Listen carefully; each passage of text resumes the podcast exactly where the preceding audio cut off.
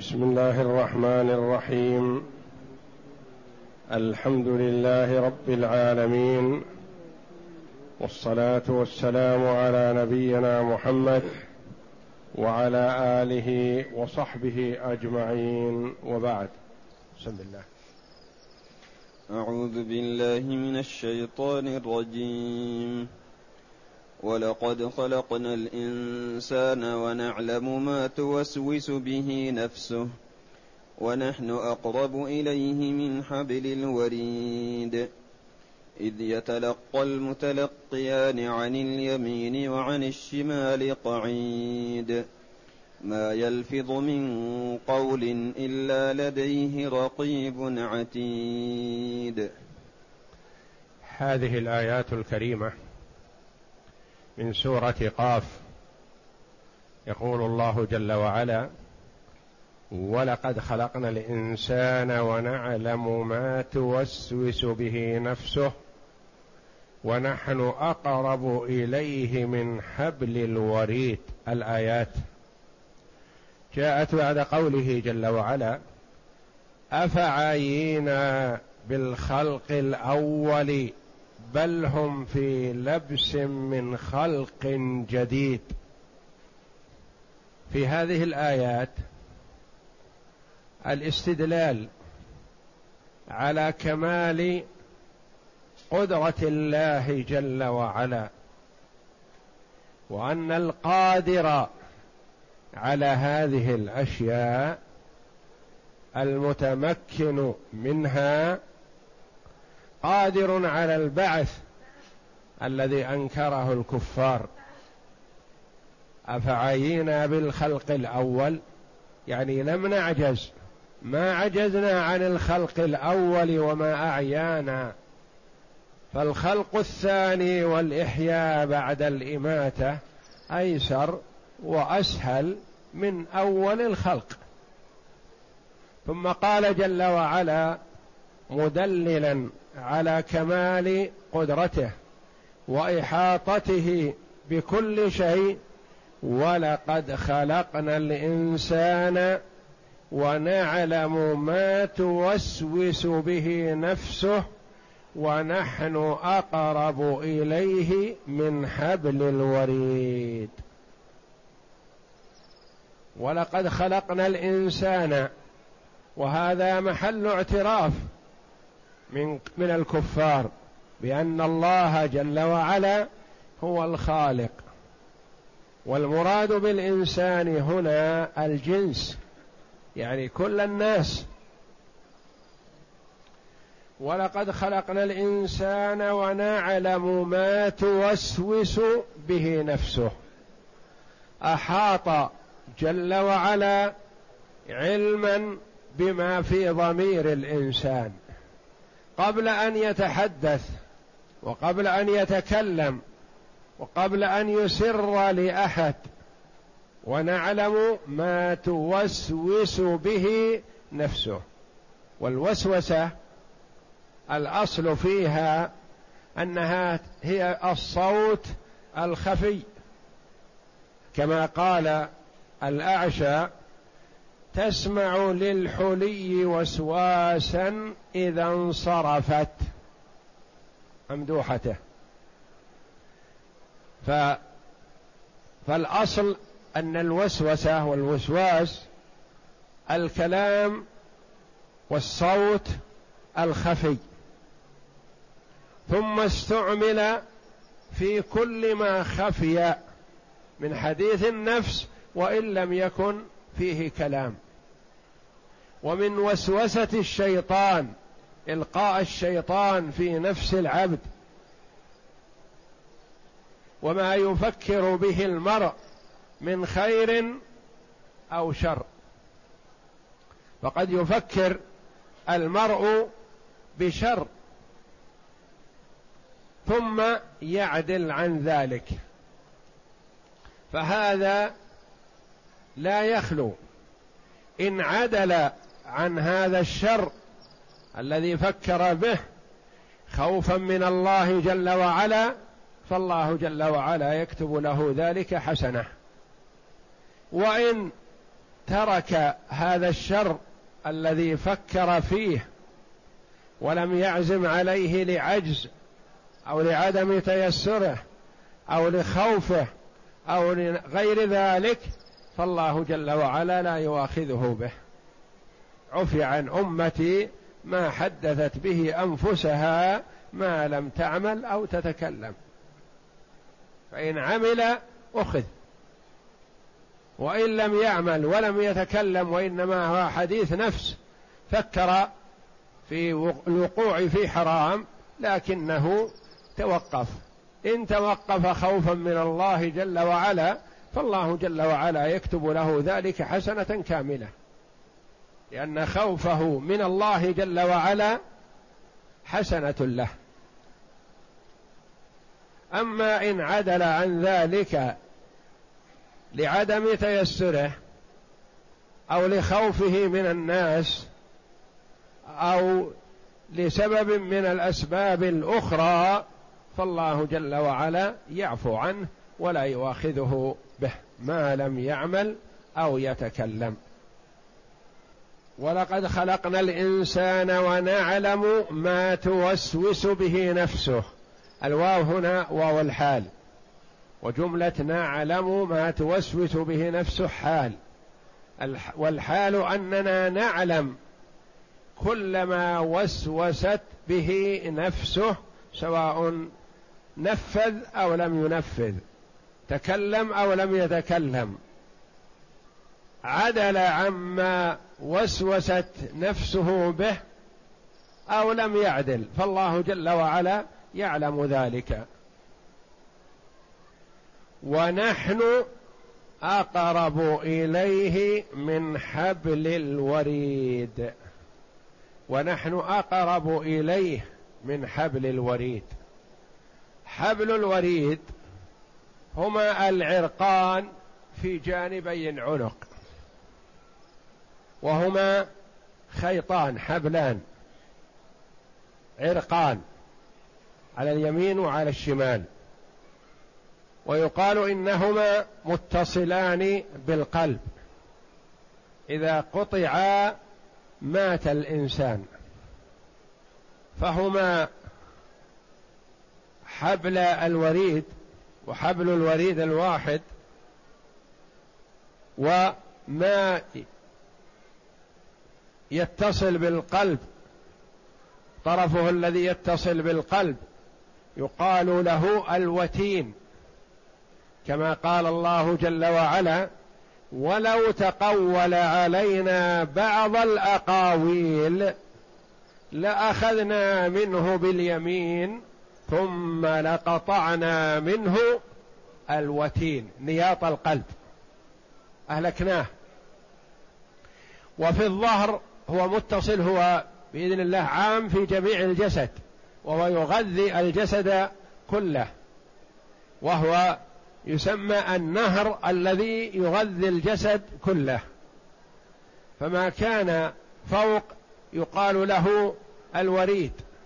وما كان متصل بالقلب يقال له الوتين وما كان متصل بالظهر يقال له الأبهر وما كان متصل بالذراع والفخذ يقال له الأكحل وفي الخنصر يقال له الأسيلم المتصل بالأصابع فهو يغذي البدن وله شعب تنطلق منه إلى جميع الجسد بإذن الله جل وعلا. وقول الله جل وعلا ونحن أقرب إليه من حبل الوريد قد يقول قائل هل هناك شيء أقرب من الشيء لنفسه؟ يقال نعم لأن بعض أجزاء جسم الإنسان تحجب بعضا. فمثلا البشرة الظاهرة محجوبة بالجلد وما تحت الجلد يحجبه ما تحته إلى أن يصل إلى الجوف. والله جل وعلا لا يحجبه شيء عن بدن الإنسان وعن قربه منه تعالى وتقدس. ونحن أقرب إليه قال بعض المفسرين رحمهم الله منهم ابن كثير أقرب إليه بجندنا بالملائكة لأن الملائكة حافظة للإنسان وكما سيأتي على اليمين وعن الشمال قعيد. فهو أقرب إليه بجنده الذين هم الملائكة. وقيل أقرب إليه من حبل الوريد أقرب إليه بعلمنا لأن الله جل وعلا عالم بحال العبد وهو قريب من العبد بعلمه. وقربه جل وعلا بعلمه ثابت مع علوه جل وعلا في العلو. فهو جل وعلا مستو على عرشه. والعرش هو سقف المخلوقات. والله جل وعلا لا يحيط به شيء من خلقه.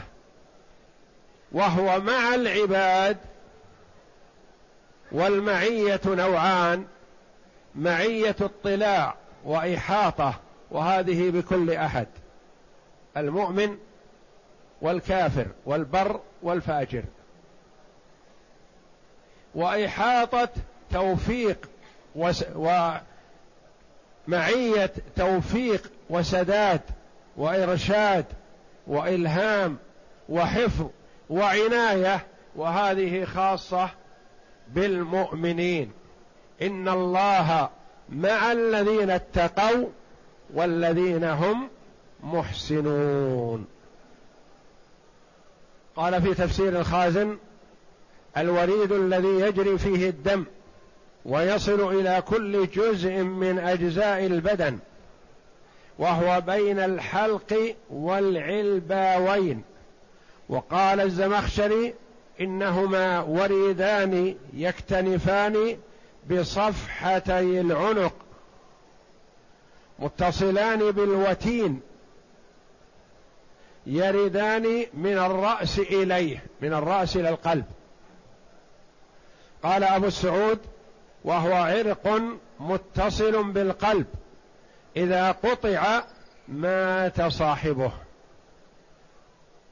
وقيل المعنى نحن أقرب إليه بنفوذ قدرتنا فيه ويجري فيه أمرنا كما يجري الدم في عروقه.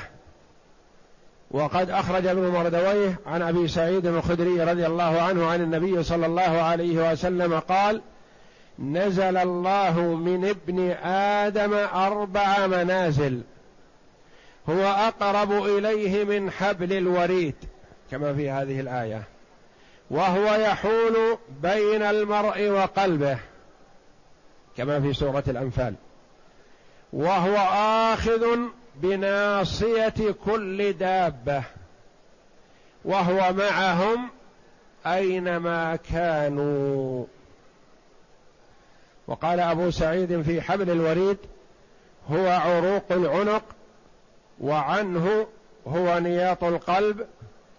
قال القشيري في هذه الآية هيبة وفزع وخوف لقوم وروح وأنس وسكون قلب لقوم ذكره الخطيب.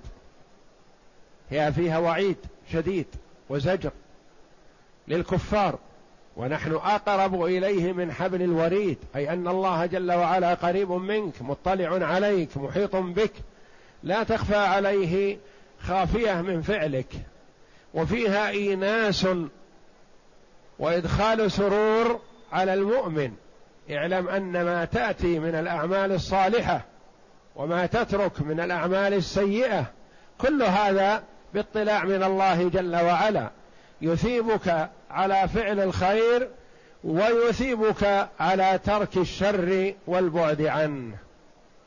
فالآية تجمع بين إدخال السرور والفرح والاستبشار على المؤمن وتخويف وزجر وتحذير الكافر من التمادي في كفره وضلاله. يخبر تعالى عن قدرته على الإنسان بأنه خالقه وعلمه محيط بجميع أموره حتى إنه تعالى يعلم ما توسوس به نفوس بني آدم من الخير والشر. وقد ثبت في الصحيح عن رسول الله صلى الله عليه وسلم أنه قال إن الله تجاوز إن الله تعالى تجاوز لأمتي ما حدثت بها أنفسها. ما لم ما لم تقل أو تعمل. هذه نعمة من الله جل وعلا وعفو وتجاوز لأن المرء قد يفكر في معصية في جريمة في أمر من الأمور ثم يتراجع. فالله جل وعلا لا يؤاخذه في تفكيره هذا ما دام أنه لم يعمل. فإن عمل السوء أخذ به. وإن ترك السوء مخافة الله جل وعلا كتبت له حسنة. وإن ترك السوء عجزا وعدم قدرة فالله جل وعلا لا يؤاخذه. ولا يكتب عليه سيئة. ونحن أقرب إليه من حبل الوريد. يعني ملائكته تعالى أقرب إلى الإنسان من حبل وريده إليه. يقول ملائكته ابن كثير رحمه الله. نعم. ومن تأوله على العلم فإنما فر لئلا يلزم حلول أو اتحاد. وهما ولا شك أن الله جل وعلا منزه عن الحلول والاتحاد بالخلق. فهو جل وعلا بائن من خلقه مستو على عرشه بائن من خلقه والعرش هو سقف المخلوقات فوقه الخالق جل وعلا وليس فوق العرش مخلوق. والله جل وعلا غني عن الخلق والخلق كلهم فقراء إليه. وهما منفيان بالإجماع تعالى الله وتقدس. ولكن اللفظ لا يقتضيه فإنه لم يقل وأنا أقرب إليه من حبل الوريد وإنما قال ونحن أقرب إليه. ونحن تصح أن تكون للمتكلم المعظم نفسه والله جل وعلا هو المستحق للتعظيم المطلق. نعم. كما قال في المحتضر ونحن أقرب إليه منكم ولكن لا تبصرون. ونحن أقرب إليه منكم ولكن لا تبصرون هذا في المحتضر الذي حضرته الوفاة. ونحن أقرب إليه يعني بالملائكة الملائكة عنده حوله باسطوا أيديهم. نعم. يعني ملائكته وكما قال تبارك وتعالى إنا نحن نزلنا الذكر وإنا له لحافظون.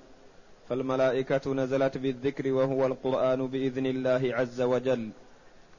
وكذلك الملائكة أقرب إلى الإنسان من حبل وريده إليه بإقدار الله جل وعلا لهم على ذلك.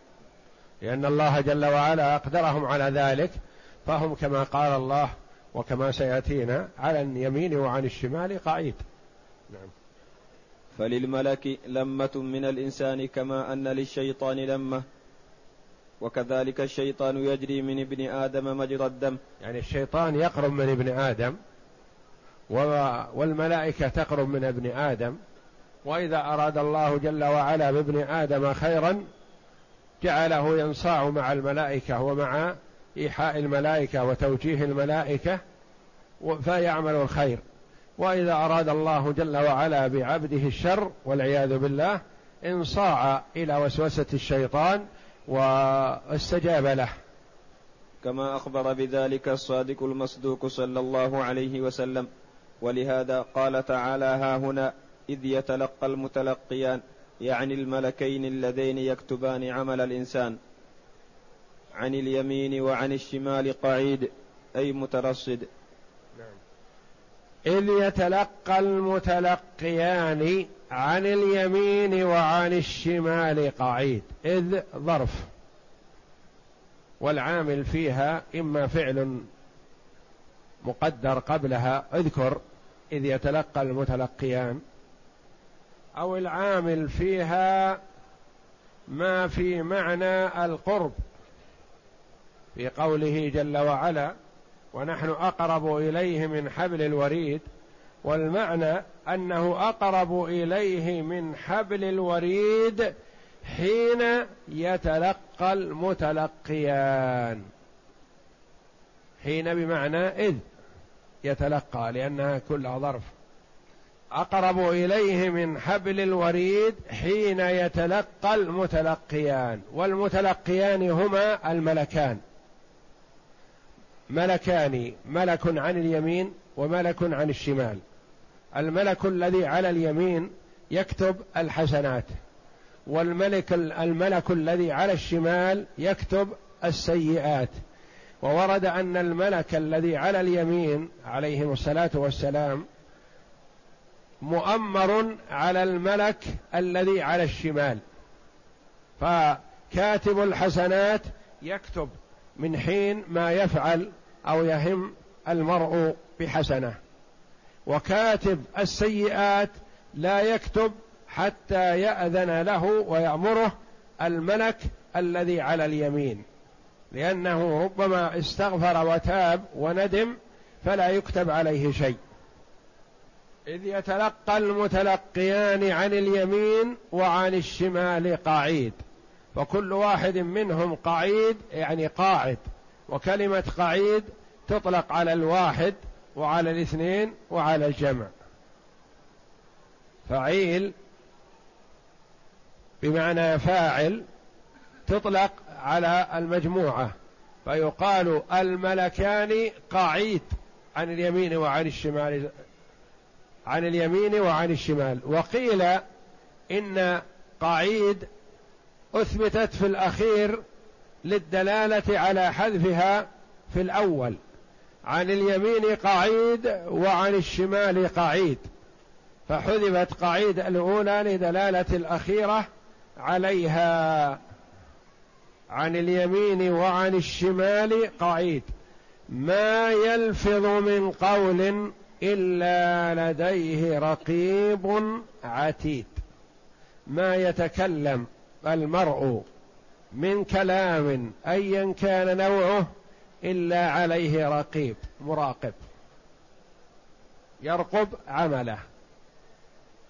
عتيد بمعنى حافظ. يراقب ويحفظ. لا يراقب ويهمل. رقيب عتيد. يسجل.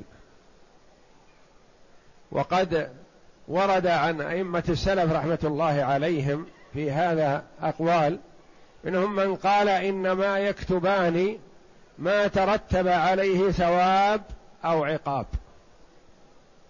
وقال آخرون بل يكتبان كل شيء. كل ما يخرج من المرء من كلام يكتبانه. جد أو هزل حسن أو قبيح مباح أو محرم كله مكتوب. ثم تستمر الكتابة إلى يوم الخميس فيرفع ترفع هذه الكتابة فيثبت ما يترتب عليه ثواب أو يترتب عليه عقاب ويلغى ما سواه. كما قال صلى الله عليه وسلم لما سئل عن صيام يوم الخميس قال هما والاثنين قال هما يومان تعرض فيهما الأعمال وأحب أن يعرض عملي وأنا صائم. وكان صلى الله عليه وسلم يحرص على صيام الاثنين والخميس لأنهما يومان تعرض فيهما الأعمال. تعرض الأعمال فيثبت ما للعبد فيه خير وما عليه فيه شر جنت نفسه عليه وتكلم بذلك وما كان لا خير ولا شر فيه عن الكلام المباح الذي لا يترتب عليه شيء فإنه يلغى ويمحى. عن اليمين وعن الشمال قعيد أي مترصد.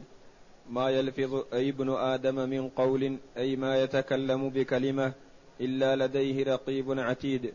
أي إلا ولها من يرقبها معد لذلك يكتبها لا يترك كلمة ولا حركة كما قال تعالى وإن عليكم لحافظين كراما كاتبين يعلمون ما تفعلون. وقد اختلف العلماء هل يكتب الملك كل شيء من الكلام وهو قول الحسن وقتادة رحمهما الله أو إن كل شيء يكتب حسن أو قبيح مباح أو محرم نعم. أو إنما يكتب ما هذا الذي يدل عليه لفظ الآية. أو إنما ما يلفظ من قول إلا لديه رقيب عتيد من قول أي قول كائن. وإذا كان هذا في القول فهو في الفعل أولى. نعم. أو إنما يكتب ما فيه ثواب وعقاب كما هو قول ابن عباس رضي الله عنهما. فعلى قولين وظاهر الآية الأول لعموم قوله تبارك وتعالى ما يلفظ من قول إلا لديه رقيب عتيد وأخرج الإمام أحمد عن بلال بن الحارث المزني رضي الله عنه أنه قال قال رسول الله صلى الله عليه وسلم إن الرجل ليتكلم بالكلمة من رضوان الله تعالى ما يظن أن تبلغ ما بلغت. يكتب الله عز وجل له بها رضوانه إلى يوم يلقاه. يعني يتكلم بالكلمة الطيبة أمر بمعروف أو نهي عن منكر أو نصيحة أو تحذير أو توجيه أو دعوة إلى الحق ونحو ذلك. محتسبا الأجر من الله جل وعلا لكن لا يظن أن يصل بها إلى هذه الدرجة. يكتب الله جل وعلا له بها رضاه إلى يوم يلقاه. يعني يستمر رضا الله جل وعلا عنه فلا يسخط عليه. نعم. وإن الرجل لا يتكلم بالكلمة من سخط الله تعالى ما يظن أن تبلغ ما بلغت يكتب الله تعالى عليه بها سخطه إلى يوم يلقاه. وكذلك قد يتكلم المرء بكلمة استهزاء أو سخرية أو كذب أو تحريض على انتقام أو تثبيط عن فعل خير أو نحو ذلك لا يظن أن تبلغ ما بلغت أو يتكلم بها من باب إضحاك الحاضرين أو لينال إعجابهم ونحو ذلك يكتب الله عليه بها سخطه إلى يوم يلقاه والعياذ بالله. يحبط عمله ويخسر دنياه وآخرته بهذه الكلمة القبيحة.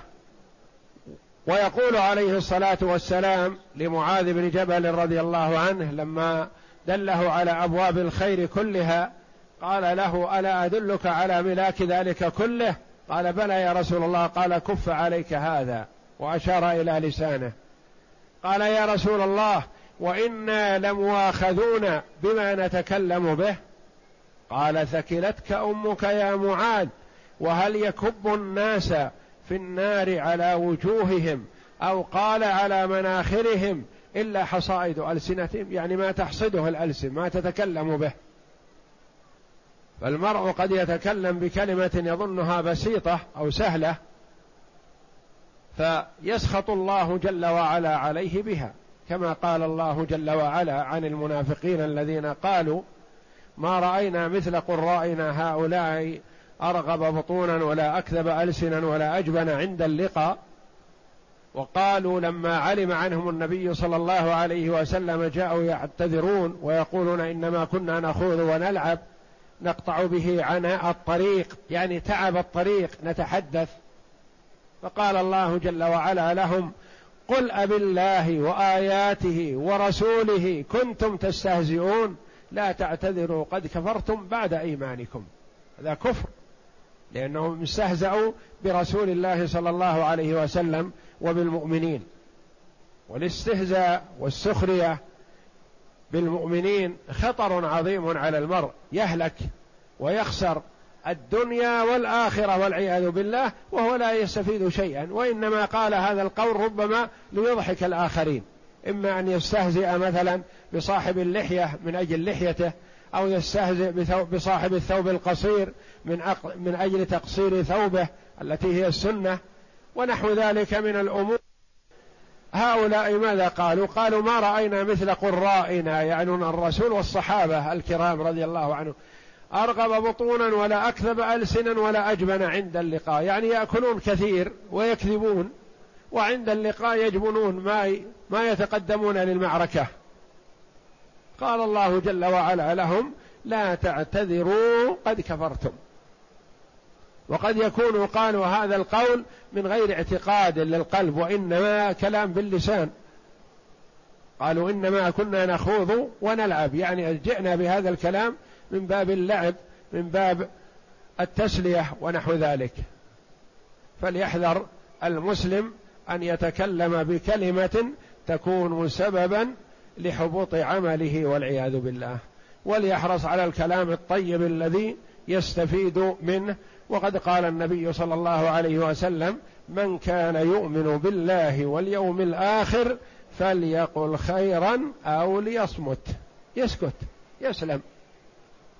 قل خيرا تغنم أو اسكت عن شر تسلم.